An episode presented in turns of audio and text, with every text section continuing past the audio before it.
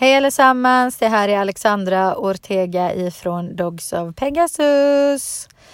Ehm, jag har inte outat det här innan, men det är så här att jag nyligen tog emot en valp ifrån en eh, sprillans ny kund till mig. Eh, helt oväntat, superduper spontant och ehm, ja, vad ska man säga, helt oväntat från alla sidor var det. Jag hade en ny kund som kom hit för konsultation tillsammans med sina två hundar. Eh, en mor och en dotter, alltså hundarna. Och själva eh, ja, den mänskliga delen av familjen var ett eh, äldre par och deras vuxna son. Så de bor inte ihop och hundarna är lite grann hos paret och lite grann hos sonen. Och eh, valpen hade sonen köpt ifrån den här tikens första kull och insett ganska snart att eh, det kändes så där bra. De eh, matchade inte varandra riktigt och eh, när de kom hit, de kom hit med eh, ja, av den anledningen att båda hundarna skällde som två tokar på promenaden. Eh, men de sa att valpen var värst och när de kom hit eh, så alltså båda hundarna skällde men valpen var hysterisk alltså hysterisk. De var här i i alla fall två timmar och eh, hon var inte tyst någon gång faktiskt. Inte en enda minut var den hunden tyst under hela tiden de var här och eh, jag satt och, och bearbetade henne och så. Hon gick från att skälla till att gny och ha sig, men det var fortfarande katastrof. Eh, så det slutade med att jag sa till dem att jag måste vara ärlig. Det här är inte den sortens hund som ni har förväntat er när ni skaffar henne. Det är ingen bra matchning och det måste inte alltid vara det för, för att det ska fungera. Jag har flera hundar själv som inte är en perfekt matchning med mig. Men jag får ju få det att fungera ändå. Men det här eh, som ni har är, för det första är gapet så himla stort. Och eh, ändå är relationen så himla ny. Och hon var bara fyra och en halv månad då, så de hade bara haft henne i två och en halv månad. Eh, och problemen kom igång någon månad senare har jag för mig. Eh, efter att de hade fått hem henne. Och det var ingen bra matchning hundarna emellan heller. Tiken är väldigt mjuk och valpen väldigt tuff så att hon störde tiken hela tiden och tiken sa inte ifrån så att hon lyckades inte på egen hand sätta gränser för den här valpen och hon blev helt oregerlig då. Och sen så människorna då som, som liksom var ute efter en lugn och foglig eh, hund som sällskap till den de redan hade och eh, till sig själva, ett, ett liksom sansat promenadsällskap och så vidare. De var beredda att jobba. Men vad jag kunde se var att liksom, det, så, det var så stort gap emellan dem så att det skulle krävas mer än vad jag kände att de egentligen var beredda och villiga och skulle behöva ge. Um, och valpen, åtminstone om man bortser från temperamentet, så är resten av hennes liksom, ja, men ålder och ras och så vidare, alltså det um, hon ingår i en lättplacerad kategori. Sen får vi se gällande temperamentet då. Så att det slutade alltså med att eh, jag tog över henne. För jag föreslog för dem att eh, ja, alltså de har ju, för de kände själva att liksom, vi vet att vi kan sälja vidare henne eh, och vi vet att vi kommer att få eh, många, många svar på en sån annons, men vi känner att vi har inte kunskapen för att göra rätt matchning hund och människa emellan. Eh, så vi vet inte riktigt vad vi ska gå på. Ehm, och sen kan ju inte de lämna den backupen som jag skulle kunna göra då om någonting går snett i framtiden eller så. Så då bestämde vi eh, att hon skulle få vara här hos oss. Eh, och eh, hon kommer att kastreras när hon har åldern inne för det och omplaceras när vi hittar ehm, ja, men en lämplig ledare för henne för att det är en tuff hund och det första jag reagerade på var förutom den verbala hysterin var att hon eh, är väldigt självständig. Hon är väldigt tuff, hon är väldigt rakt på sak. Hon tultar inte efter en eh, som liksom en, en ganska, ja men som standardtemperamentet om vi säger så på en valp liksom som blir osäker när man går iväg eller, eller så. Hon tultar inte efter utan, jaha du går dit, ja, ja men jag kände för att gå till det här hållet istället så att vi ses när vi ses liksom. Det är mer hennes inställning och eh, helt orädd vad det gäller eh, att ta sig in till flocken och liksom, det är ingen hund som är någon match för henne utan hon ränner omkring där och hon har varit med på eh, ett par Eh, nej, ett par, det är nog bara ett. En gång har hon varit med på Pay and Play. Ehm, och det, det gick jättebra. Och ehm, nej men alltså hon, hon är inte med i hack i häl. Och det kanske är förståeligt när vi var nya för varandra och vi hade inte bondat och så. Eh, men ens då brukar ändå valpar, okej okay, nu är min eh, vanliga trygghet borta så att jag söker mig till det som är närmast fortast eh, möjligt så att jag slipper vara här själv. Men hon var så här, nej men jag känner inte det ändå så att eh, det är lugnt, jag klarar mig. Alltså väldigt så. Och på Pay and Play så var det inte så att hon var med i hack i häl utan hon gjorde sin grej och när vi såg så sågs vi och då kingsade vi och så var det inte mer med det och sen gick vi åt varsitt håll och det var lugnt liksom.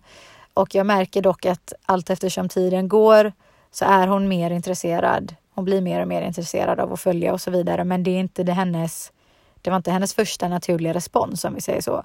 Och bara där känner jag att eh, familjen som hon hade eh, inte har den kompetensen som krävs för att främja följsamheten i den här hunden. Och i och med att hon är i den livsfasen som hon är, hon är så himla ung, så det är synd att missa eh, den formbarheten hon har nu bara för, liksom bara för att man ska lära sig. Utan nu hade hon ändå möjligheten att komma hit och då blev det så. Så just nu fostras hon utav eh, alla mina hundar och den som jag...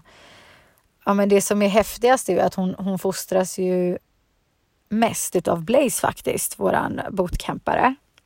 Han har varit så himla bra med henne. För det första så är han inte ett dugg charmad av hur hon ser ut.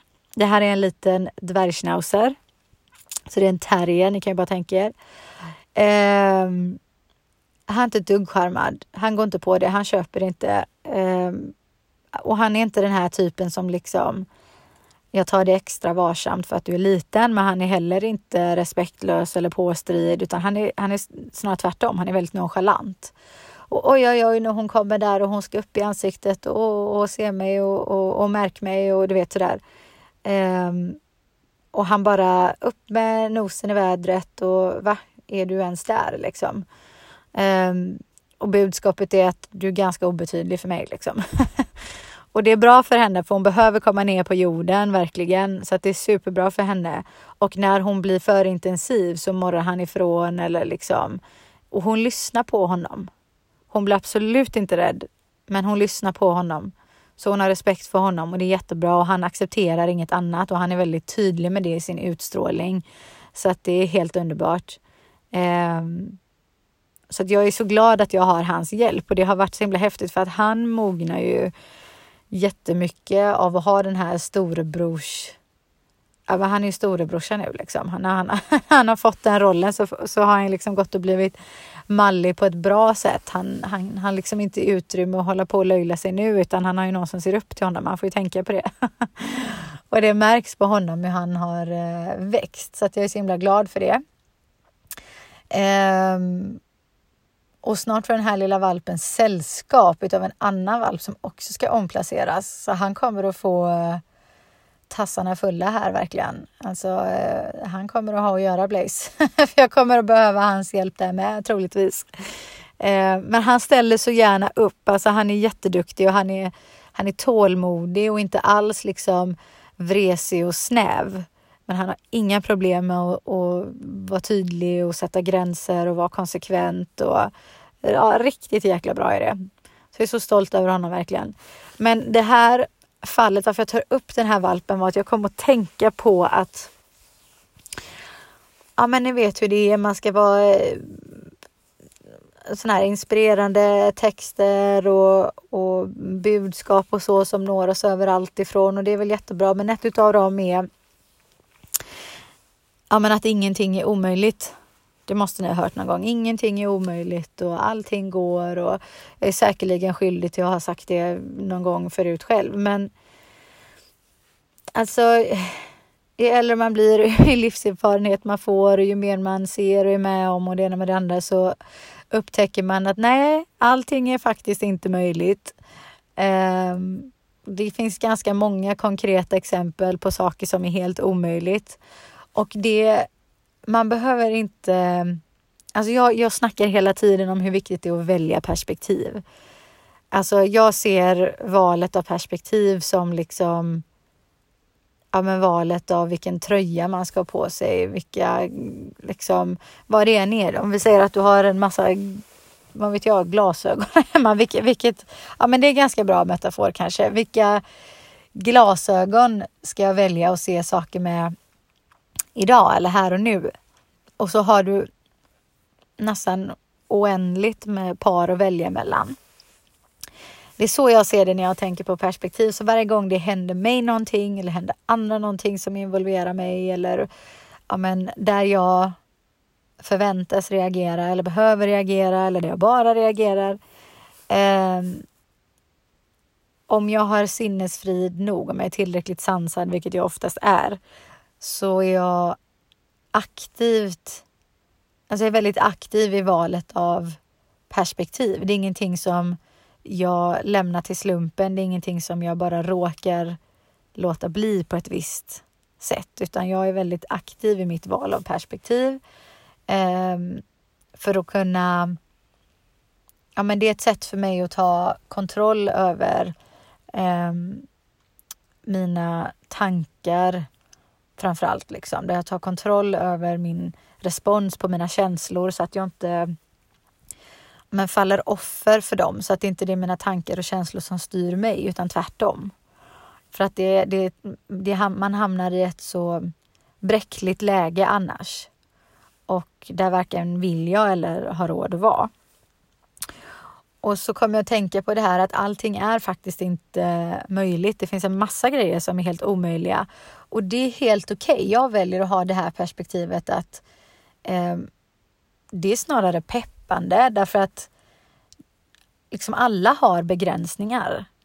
Alla har begränsningar och de sitter på olika ställen och de gäller för olika saker och det är helt okej. Okay. Det är meningen att det ska vara så. Eh, men man kan ju alltid, men du vet ju inte riktigt vart de gränserna och begränsningarna går om du inte testar det fram. Så jag ser det som att man alltid behöver utmana sig själv och försöka ja, men, ta kontroll över sina tankar och sin respons på sina känslor eh, och pusha sig själv. Och som jag brukar säga till mina tjejer inom föreningen att de behöver lära sig att bli bekväma med att vara obekväma för att det är så mycket obehag i det jobbet vi gör. Vi träffar, eh, ja men vi stöter på så mycket liksom, så många tragedier och hit och dit, så många svåra livsöden och vi måste lösa så många svåra ekvationer hela tiden. Eh, oftast åt andra som, som vi egentligen inte har någonting med att göra, men bara för att man vill hjälpa en hund till exempel. Så att det är så mycket obehag eh, inkluderat i jobbet. Och då säger jag till dem att de behöver lära sig att bli bekväma med att vara obekväm. För att annars så håller man inte i längden. Och eh, ett sätt att göra det på är just att ta eh, kontroll och se till att man är in charge av sina eh, tankar och den responsen man eh, får eller den responsen man ger baserat på de känslorna man har. Liksom. Eh, och så tänker jag att nej, det finns absolut grejer som är helt omöjliga för mig att åstadkomma. Eh, även i hundsammanhang faktiskt. Och man blir mer och mer medveten om det ju mer erfarenhet man får därför att eh, är man, vad ska man säga, alltså jag, jag är i, i mig själv en sån person som eh, inte känner mig speciellt begränsad. Och när jag gör det så blir jag snarare taggad och, och liksom har väldigt lätt för att peppa mig att ta mig förbi det ändå. Och jag har liksom lärt mig att bli bekväm med att vara obekväm av erfarenhet. Så att jag, jag i mig själv behöver påminna mig om detta. Ehm, för att annars, det, det, blir lätt så för mig att jag liksom själv kan känna att nej, men ingenting är omöjligt, det är bara att köra och så vidare. Men jag har valt ett perspektiv nu som säger att det är processen att eh, ta reda på vilka begränsningar man har. Ta reda på vart det tar stopp innebär ju att jag måste utmana mig hela tiden. Hur ska jag veta vart mina gränser går om jag inte vågar, om jag inte tar det där steget? Förstår ni? Det är liksom. Det är lätt att sitta där utan att, utan att ha agerat ens en gång och säga nej, det där skulle jag aldrig kunna göra eller oj, oj, oj, det vågar jag inte. Um, men då vet man egentligen inte. Då är man snarare kontrollerad av sina tankar och av sina känslor än tvärtom. Och det är i alla fall någonting som jag personligen aldrig vill vara. Jag vill inte fastna i det liksom. Och jag är bekväm av mig. Jag är en sån här person som är bekväm av mig. Jag blir lätt lat och jag skulle absolut kunna sitta där och säga att nej, det där skulle jag aldrig kunna göra. Men egentligen, jag, jag känner mig så väl. Jag, jag vet att det är bara någonting som jag säger för att ta den lätta vägen ut i den diskussionen eller i den situationen. Um, men om jag verkligen vill någonting um, så satsar jag järnet. Och även om jag skulle förlora, även om jag skulle falla i det, vad jag får med mig är ju, okej, okay, där gick min gräns. Fasen var bra, då vet jag det. Och sen är det inte fy skam att man är där beroende på vad det handlar om naturligtvis. Och liksom försöker igen och försöker igen och försöker igen. För att hela tiden får man ju med sig lite mer kunskap, lite mer erfarenhet, lite mer gällande vad man absolut ska undvika och inte ska göra. Men om jag drar det här i förhållande till det här fallet med valpen så kände jag att här går eran begränsning. Gör vad ni kan med tiken. Ni ska få instruktioner och råd för vad vi kan göra med mamman här, med tiken, med valpens mamma. Eh, och så bara ser besegrade på fronten vad det gäller valpen. Och det är ingen skam i det. Det är inget, alltså även om de är besegrade i att kunna ha just den här typen av hunden, hund så är det ju inget nederlag därför att de hade verkligen fått känna på nederlag om de hade försökt stånga sig blodiga med henne. Och det är ju ändå när hon har en så eh, stor chans att hitta rätt i det läget som hon befinner sig nu till exempel. Då känns det bara onödigt för dem att tåga på. Istället för att inse att okej, okay, det tar stopp här för oss. Vi gör vad vi kan med hunden som vi faktiskt hade först. Och så ser vi till att det går jättebra. Eh, och jag har, men jag har ju också kunder som jag har till exempel en kund i åtanke nu som eh, när hon kontaktade mig gällande sin hund så sa hon att alltså du är min sista utväg så att det är antingen, antingen funkar det här eller så kommer jag tvingas avliva min hund för att jag har slut på alternativ. Jag vet inte vad jag ska göra. Jag har tagit den här svängen genom olika filosofier och hundtränare och så vidare. jag känner att jag kommer inte längre än så här och jag kan inte leva så här liksom. Och det kan inte hunden heller. Eh, och då sa hon i och för sig, det tredje alternativet är att omplacera henne till exempel. Och då var jag ärlig mot henne också och sa att det finns inte en människa här som kommer att vilja ha din hund. Det är bara att vara uppriktig. Det finns inte en människa som kommer att vilja ha din hund i det skicket hon är nu. Eh, kanske är det så att du får någon på kroken som tror att de vill ha din hund. För det ser man gång efter annan i min bransch kan jag säga.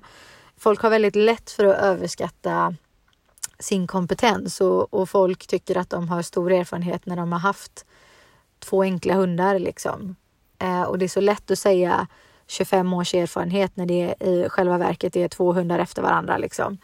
Eh, och det låter mer än vad, vad det är och det är ingen som blir expert på, på den erfarenheten bara liksom. Eh, så att det är en väldigt fin hund. Hon är vacker att se på. Hon är ung.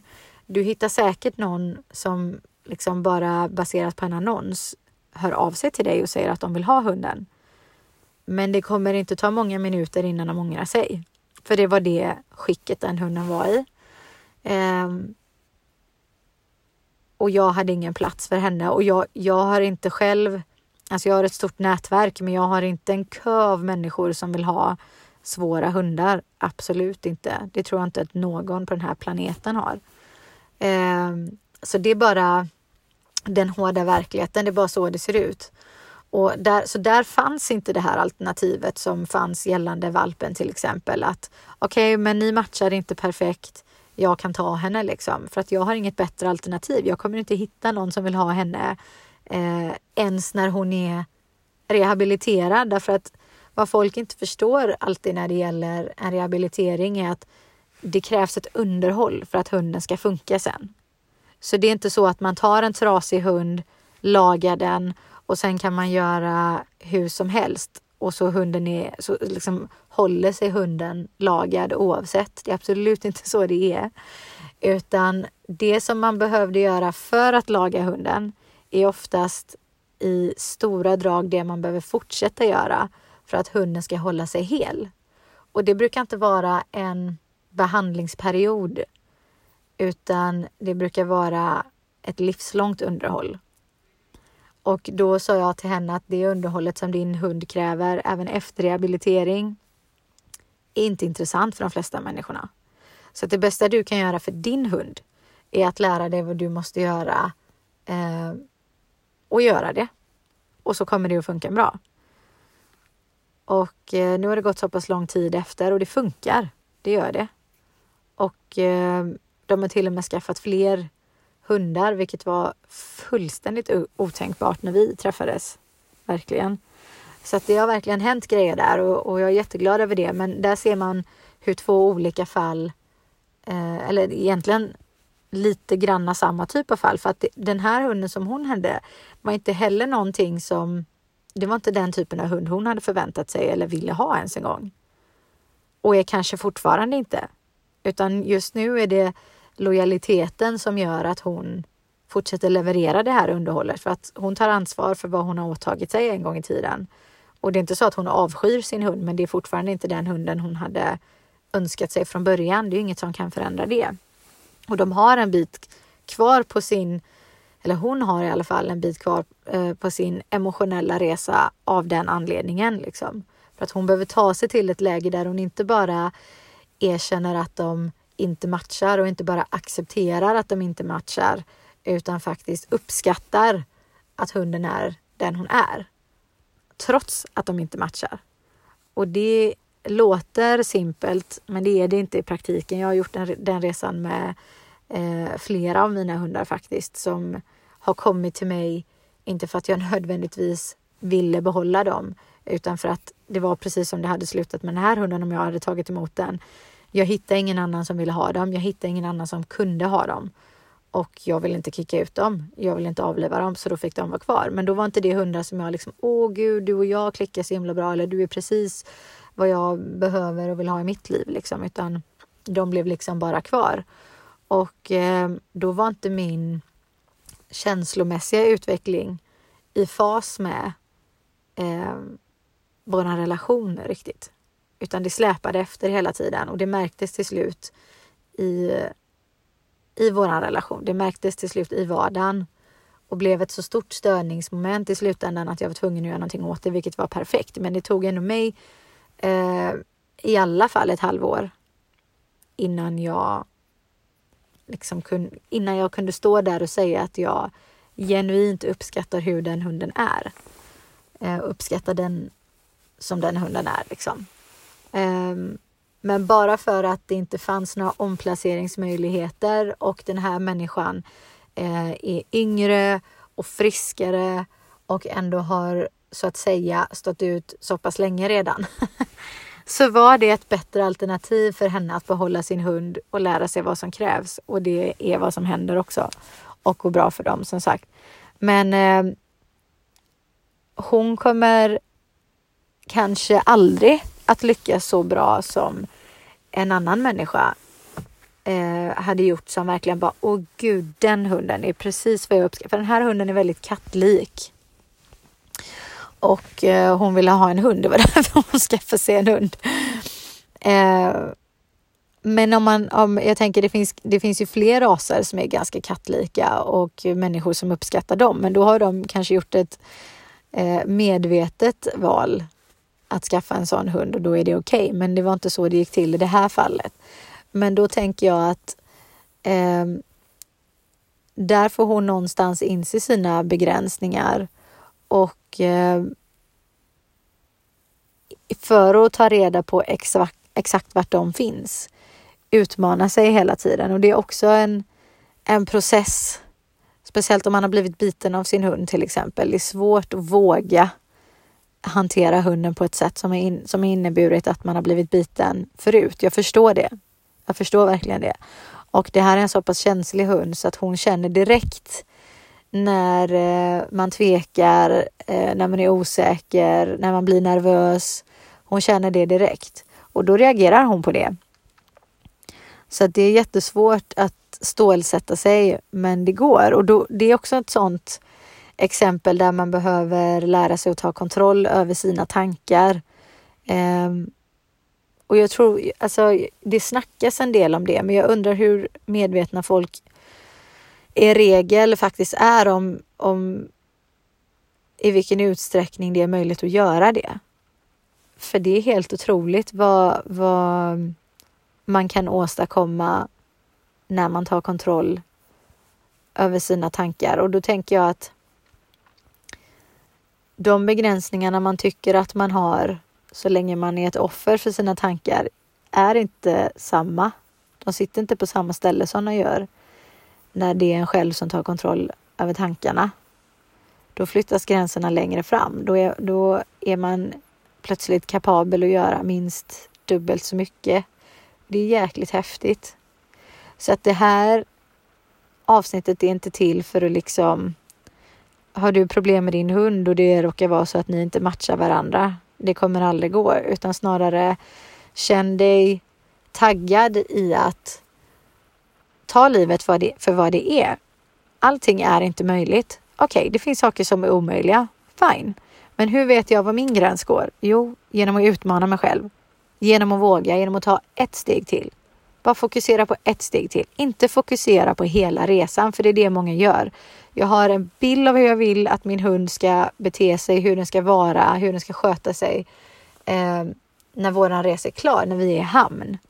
Då har jag en lång lista på saker som jag vill att min hund ska kunna och som min hund ska göra och som min hund ska låta bli när jag känner att vi är i hamn. Men det sitter ganska långt bort det målet för många. Och då är det lätt att man halvvägs in tappar motivationen. Eh, och så bara man ger upp liksom för att det känns bara så himla avlägset allting. Och det är bättre att bara fokusera, sätta upp pyttesmå delmål verkligen. Ett steg i taget. Vi ska bara klara av den här dagen. Vi ska bara klara av den här veckan. Vi ska bara klara av de här två veckorna. Vi ska bara klara av den här månaden. Och sen börjar månaden om och så gör man likadant igen och så likadant igen. Så helt plötsligt har det gått ett halvår, helt plötsligt har det gått ett år och så vänder man sig om och tittar bak och inser att shit vad långt vi har kommit. Jäklar vilken resa vi har gjort. Och så får man en motivationsboost just då. Och så istället för att bara klara sig en dag eller en vecka i taget, fast nu kör vi en månad i taget och sen ett halvår i taget. Och rätt som det har du inte ens nytta av att tänka på det sättet Därför att du bara njuter av den relationen du har varit med och skapat tillsammans med din hund. Så att det är inte att, att inse, det kan vara så att det är helt omöjligt för dig att till nästa månad uppskatta ditt hundliv som det ser ut nu. Därför att du sitter så djupt i skiten med din hund. Men du kanske kan lära dig uppskatta en dag i taget. Och du kanske kan ha tre bra dagar och sen en skitdag och sen två bra dagar igen. Det är helt okej. Okay. Att inse att inte den där kurvan är spikrak är liksom steg ett. Att inse att det är väldigt sällan den ser ut så, om ens någonsin. Alltså jag ser ju bara på mina bootcampare och då vet jag ändå vad jag gör. Det här är ändå mitt jobb liksom. Um, hur deras kurvor ser ut, hur våra kurvor ser ut tillsammans. Kan gå skitbra ett tag och sen boom, där kom bakslaget. Och det ingår i processen så att jag är väldigt noga med att tala om för mina kunder som lämnar in sin hund på rehab till exempel. Förvänta er bakslag. Förvänta er att de kommer, för de kommer, tro mig. Och oftast när man minst anar det. För det är när det går som bäst som man slappnar av och tycker att nej, det är inte så noga med den. Ah, men jag behöver inte vara så konkret denna gången eller så konsekvent denna gången. Det är inte nödvändigt. det går ju bra ändå. Och bam, där kom ett bakslag.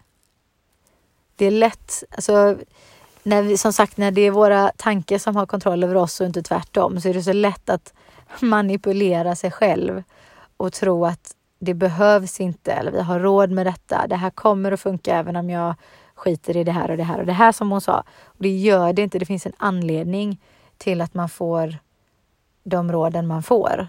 Det finns en anledning till att hunden nu funkar och det är för att jag har gjort alla de där grejerna. Det är många människor som säger till mig, ja men sådär bra som han går med dig, det gör han inte med mig. Eh, och jag besitter inga, så vitt jag vet, magiska krafter. Utan vad jag är villig att göra som ägaren inte är lika beredd att göra är att löpa hela linan ut. Liksom. Jag är beredd att vara konsekvent med disciplin och struktur och de här tråkigare bitarna. Jag är beredd att göra det för att jag har sett gång efter annan, gång efter annan, gång på gång på gång vad det leder till. Att vi tar oss i hamn den vägen. Vi tar oss så himla långt den vägen så jag vet hur nödvändigt det är och jag vet hur mycket hunden behöver det. Så att jag ser mig själv som ett verktyg i det sammanhanget. Du får bara ställa upp. Även om du känner för att ligga och kela i soffan just nu. Om ligga på sin bädd mitt emot dig eh, från och med nu till om några timmar säger vi, så är det vad hunden behöver. Det är vad som krävs. Ställ bara upp. Var inte ego, ställ bara upp. Jag är beredd att göra det för jag vet vad jag får ut av det. Och jag har lärt mig eh, jag har lärt mig skillnad på lycka och glädje. Glädje är en ganska ytlig känsla. Om ni tänker det, trots att man är deprimerad, trots att man genomgår en, en depression, trots att man är självmordsbenägen, så kan man känna glädje. Det är en väldigt flyktig, ytlig känsla att vara glad. Någon drar ett skämt, eh, fan vet jag, man åker en berg och dalbana, man vinner något på Lotto. Då uppfylls man av en känsla av glädje. Men den varar inte för alltid. Lycka är någonting helt annat.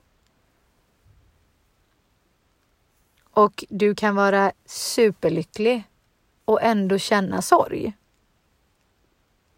De gångerna jag har, ja men som nu när jag har blivit av med hundar det här året och så vidare och jag har suttit här liksom panikgråtit och varit helt förstörd och så vidare.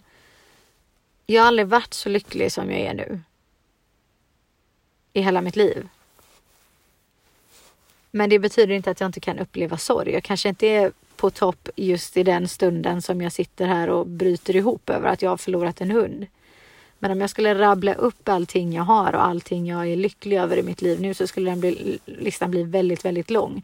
Och de grejerna jag, som fattas mig är löjligt kort liksom. Det är löjligt få grejer. Det är inte ens märkbart liksom. Så jag tänker att jag föredrar att ha en lycklig hund än en hund som på sin höjd kan känna glädje Och det åstadkommer man inte genom att bara tillgodose den här flyktiga känslan hela tiden eller bara jaga den här flyktiga känslan hela tiden. Man måste in på djupet. Så om jag vet att min hund blir lyckligare utav struktur som innebär en kombination av regler, vad den måste göra, vad den absolut inte får göra, eh, gränser, hur nära den får komma, hur långt bort den måste vara och begränsningar. Hur intensiv får hunden lov att bli och hur länge får den vara så intensiv? Om jag har koll på den strukturen och om jag jobbar med mig själv och ser till så att jag är en så stabil version av mig själv som jag kan vara så att jag kan erbjuda min hund det allra bästa jag har att ge. Om jag gör anspråk på territorium, om jag säger till att nu är vi hemma hos min vän, du kan inte ränna runt i hennes hem och pinka in dig överallt utan gå och sätt dig på den platsen och stanna kvar där. Eller du kan inte kasta dig över mina gäster, du får vara kvar där borta och låta dem komma in och så säger jag till när du kan gå fram, om du kan gå fram till exempel. Om jag gör anspråk på territorium, yta, föremål, individer. Om jag promenerar med min hund och har en struktur även där jag accepterar inte att hunden drar och ligger i kopplet och eh, gör så att jag måste spänna min arm så att jag får ont sen eller rycker till så att jag kan liksom ramla ner i diket eller kasta sig mot allt och alla. Eh, så att jag knappt kan hålla kvar i kopplet eller så att jag får stå där och vet inte vad jag ska göra för att hunden bara överröstar mig och gapar och gapar och gapar. Eh, om jag inte köper det, om jag sätter punkt där och inte är liksom förhandlingsbar i sådana lägen. Allt det här läggs på hög och ger mig en lycklig hund. För den hunden känner sig trygg i att okej, okay, hon bestämmer. Hon är väldigt mån om vad jag tycker, hon är väldigt mån om vad jag känner och baserat på det så tar hon beslut som jag måste följa. Så det är hon som bestämmer, men hon har alltid mitt, mitt bästa i åtanke. Om hunden upplever det så känner den sig trygg. Om hon kan stoppa mig så kan hon stoppa alla andra också. Och tvärtom, om hon inte kan stoppa mig, hur ska hon kunna stoppa alla andra? Om jag gör utfall som hund för att jag är rädd för andra hundar och hon inte ens kan stoppa mig från att göra utfall. Hur fasen ska hon lyckas stoppa den där hunden som kommer mot oss just nu? Det rimmar inte väl i, i hunden. Instinktivt. Den gör kopplingar. Så att om jag kan sätta ner foten för min hund så kan jag räkna med att jag även kan sätta ner foten för andra och det kan vara folk som vill vara på och kladda när hunden inte är intresserad. Det kan vara hundar som närmar sig. Det kan vara hundar som är för intensiva i lek, vad det än är. Så den känner sig tryggare utav det och blir en lycklig hund för att den är trygg. Och jag samtidigt eh, erbjuder en miljö med variation där det, vi, vi har roligt och vi löjlar oss och för att jag, jag har råd att komma in med den biten för jag har det andra också. Det är när det är för mycket av det goda, om vi ens ska kalla det det, som det blir obalans direkt. Hunden är inte skapt för att ha Liseberg-dagarna i ändan, i ända året runt. Och jag tänker nu på den här valpen som jag så fint har skaffat mig helt plötsligt. Eh, jag sa det när de hade åkt. Okej, okay, ja, men nu har vi en valp här. Jaha, sa han. Ja, ja. han vet hur jag är. Um, men eh, jag tänker på vad jag måste erbjuda henne. Det är supermycket struktur. Hon är dö söt. Skulle jag bara gå på mig själv så skulle jag liksom inte göra annat än att rulla runt med henne på köksgolvet och bara ha liksom hjärtan i ögonen och se helt lost ut liksom för att jag hade varit helt ja, men bara helt galen den här hunden. Hon är så grymt söt alltså så det är inte klokt. Men jag kör på Blaze-stil där. Han har rätt i det han gör. Han köper den här nonchalanta stilen och bara du, du kommer ingen vart med mig med att liksom titta på mig med stora valpögon utan jag behöver stå ut med dig i längden. Och för att stå ut med dig så behöver jag att du kan ta ett nej. För då kanske jag kan ge dig ett ja. Så jag har sett han börja leka. Jag har sett honom börja leka med henne lite smått emellanåt, men det är väldigt lite i taget och sen stopp där. Och jag ser på andra hundar som inte har den pondusen, som litar på att jag fixar allt.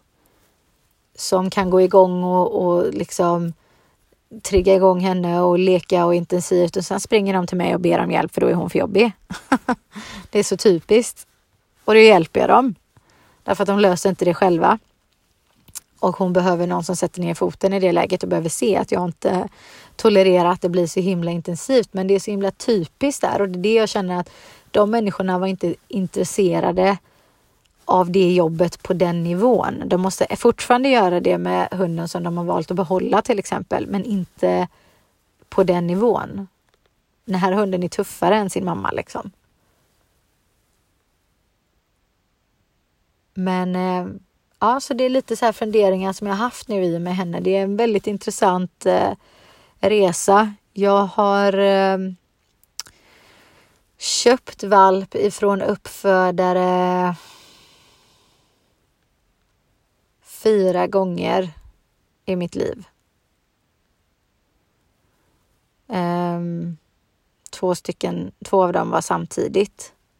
Och den sista valpen ifrån uppfödare köpte jag för över åtta år sedan. Och jag kommer aldrig någonsin att göra om det igen. Så att det är inte sådär att valp är någonting som trillar in här hela tiden. Jag har haft eh, valpar ändå genom åren.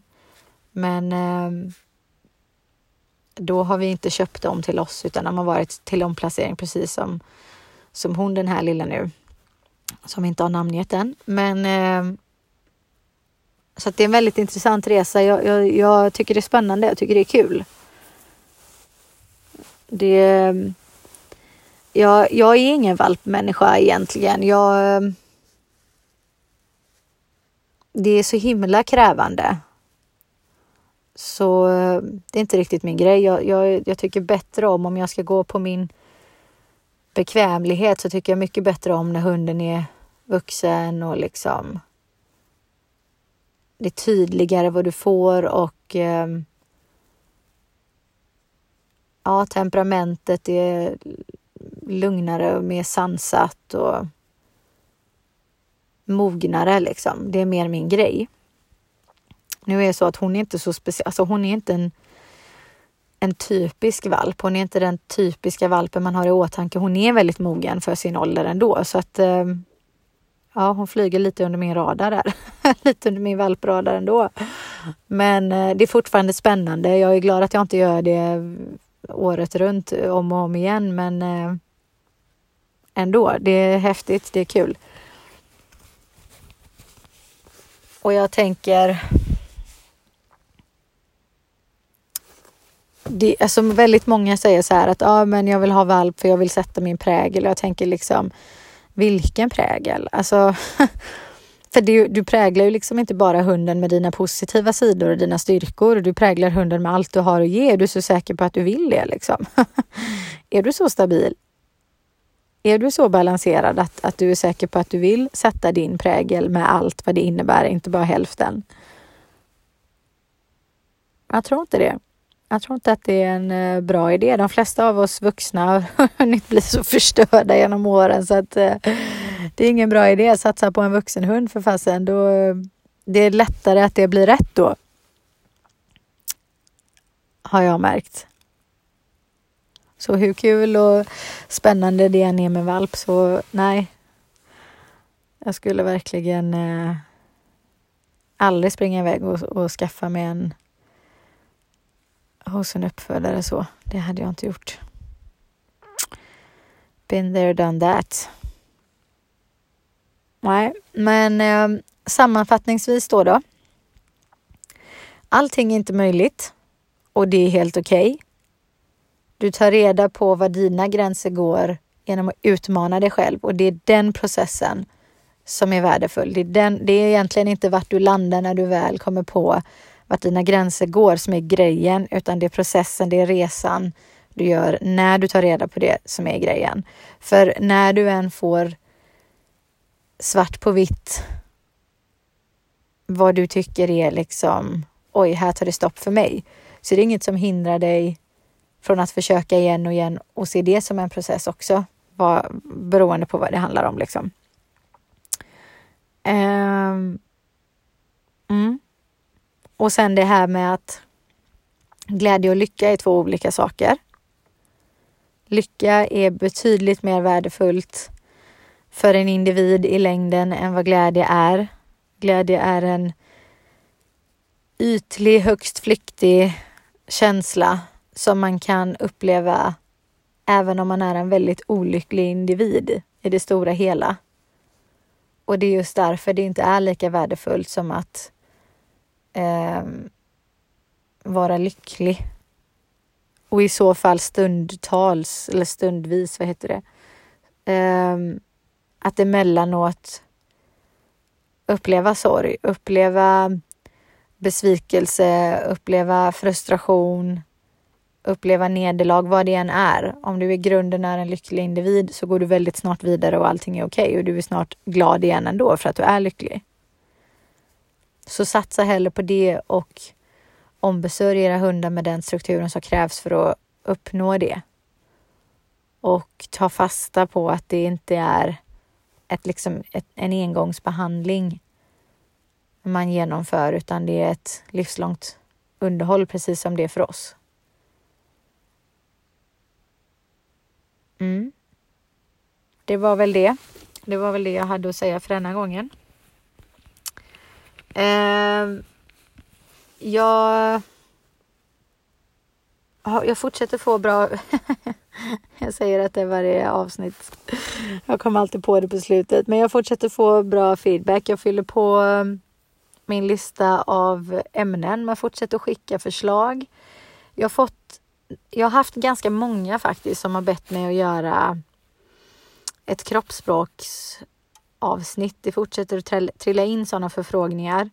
Jag har dock inte listat ut ett bra sätt att göra det på som jag känner mig nöjd med. Ehm, just för att det är liksom, ja, men om jag beskriver en, en kroppssignal så har jag ingen uppfattning om vad ni tolkar det som. Och jag vill inte att ni går runt och gör en massa missbedömningar bara för att jag har gjort ett, varit klumpig i ett avsnitt. Liksom. Så vi får se om jag listar ut ett bra sätt att göra det. Men i övrigt, fortsätt gärna att skicka in era mm, förslag.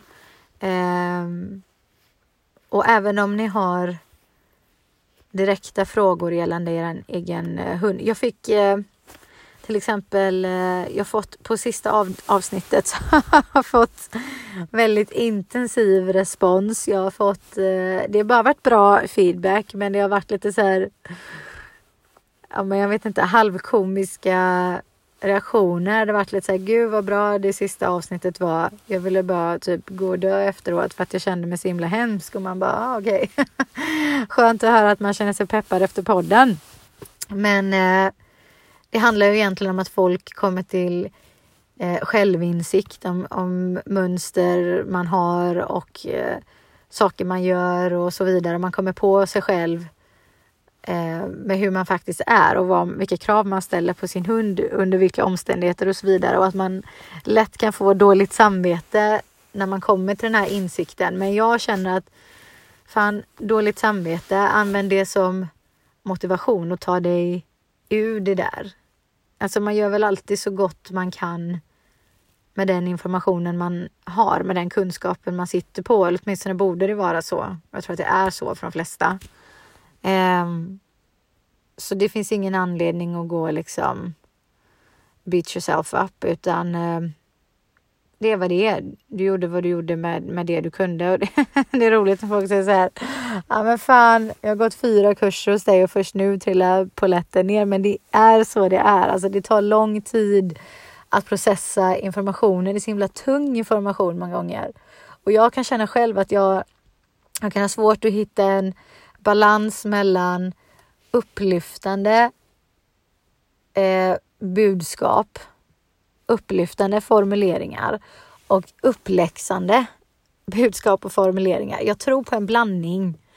Eh, därför att om man bara är såhär, yay, go day liksom.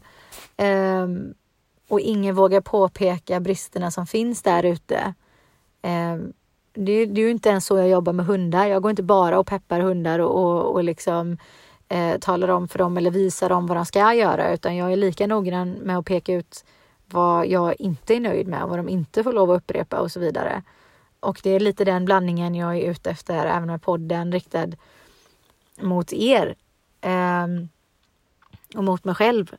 Att man har den här blandningen av både uppläxning och eh, upplyftande. Liksom. Jag vill att ni ska känna er starka. Jag vill att ni ska känna er peppade och motiverade och inspirerade och liksom redo att ta dagen med storm verkligen. Ehm, men jag tror att för att få en djupgående sån känsla som, som verkligen handlar om att bygga upp en inifrån och ut och inte bara på, på ytan så måste man också gå till botten av vad det är som gör att man agerar som man gjorde från första början.